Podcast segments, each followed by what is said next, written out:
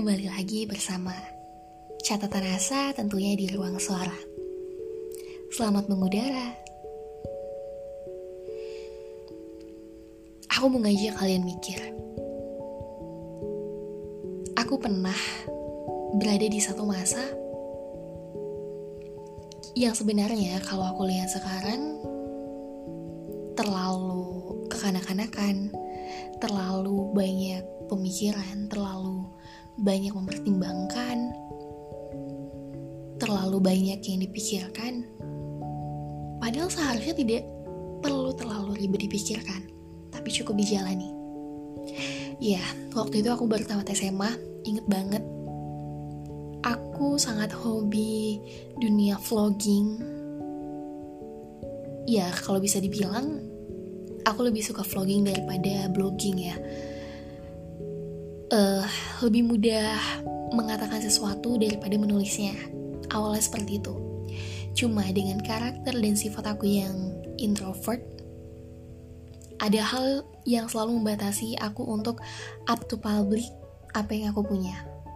Jadi waktu itu setelah ujian nasional aku bersama dengan beberapa teman aku pergi ke masjid bukan masjid biasa tapi masjid di kota jadi memang kita udah sengaja rencanain untuk ya setelah bermain gitu ya kan nongki makan biasalah anak-anak terus ke toko buku pemberhentian pemberhentian terakhirnya itu ada di ya masjid.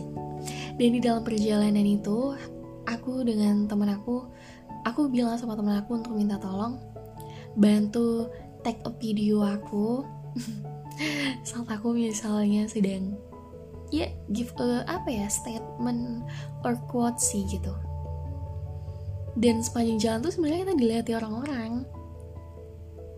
Karena pede aku bilang sama teman aku eh, nggak uh, apa-apa biar aja dilihat ala-ala yang profesional sedang melakukan take video gitu Terus saat kita udah pindah ke masjid, Sin juga berpindah kan. Nah di masjid itu aku inget banget hampir ada 15 menit. Pokoknya dalam skala waktu yang sebenarnya cukup lama ya. Kalau misalnya kita post dalam bentuk video gitu kan. Karena itu storytelling, storytelling sebuah kisah. Dan kalian tahu setelah sampai rumah aku minta sama teman aku untuk kirimin ke aku. Setelah kirim ke aku, aku stuck di sana nggak pernah nge-up apa yang udah pernah aku buat. Padahal aku sangat suka dunia itu gitu. Cuma karena ada satu hal yang buat aku stuck, aku nggak pernah post hal itu sampai sekarang. Dan hal itulah mungkin yang masih membatasi aku sampai sekarang, hmm, ya belum berkembang di bidang yang sebenarnya aku mau. Cuma karena pada waktu itu memang aku punya statement di kepala yang aku yakini bahwa seorang muslimah sebenarnya tidak cukup baik untuk tampil di publik gitu ya hmm, tahu kan statement anak-anak yang baru hijrah gitu. Seperti itu. Jadi memang untuk beberapa orang tidak mudah tampil di publik padahal sebenarnya dia ingin. Cuma memang selalu ada hal yang membatasinya untuk nggak bisa gitu. Nggak bisa dijelaskan. Saat misalnya udah pengen post udah dia di sedemikian rupa kalau misalnya perasaan ya nggak belum mampu dan belum yakin ya nggak akan bisa sampai sekarang sampai bahkan videonya sudah hilang. Tapi ada satu hal yang aku yakini sih. Ada banyak cara untuk kita bisa mengekspresikan diri kita dalam bentuk apa pun. Jadi sebenarnya dalam berkarya tidak ada batasan apa pun. Kalau kita tidak bisa memilih cara A, ada banyak cara. Ada cara B, C, D, dan cara yang lain. Dan mungkin itulah yang sekarang aku lakuin semakin bertemu banyak orang, semakin melakukan banyak perjalanan, uh, penemuan makan aku juga semakin bertambah dan semakin luas. Bahwa menjadi seorang muslimah yang ingin mengekspresikan dirinya dalam bentuk dakwah atau apa pun itu bisa dengan cara apa pun. Karena aku yakin setiap orang punya value yang berbeda. Dan value ini tentunya tidak bisa bisa meratakan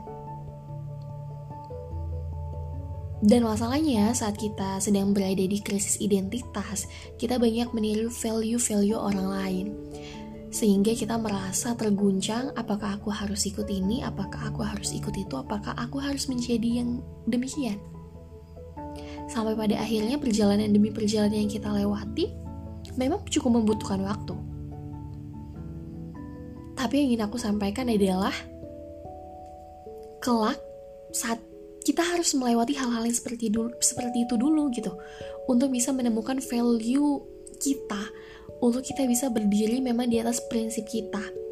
Karena prinsip yang membuat kita berdiri tegak itu harus memiliki akar, akar-akar kecil yang cukup mencengkram tanah. Dan itu harus berdasar dan berlandas pada hal-hal yang kita lewati sebelumnya.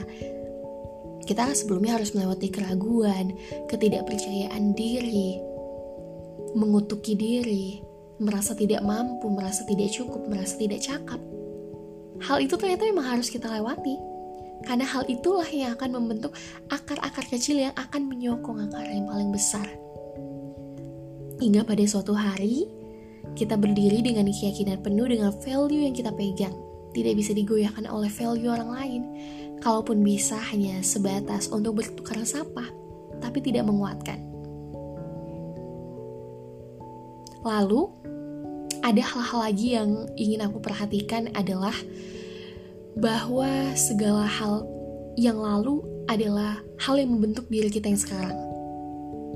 Tapi aku yakin kalau misalnya kita sangat in society dengan masa lalu kita yang misalnya tidak begitu cakap, kita bisa membentuk masa depan yang baik dengan masa kita yang sekarang ini. Kita harus berusaha lebih cakap dengan cakap jalan kita, bukan cakap versi jalan orang lain.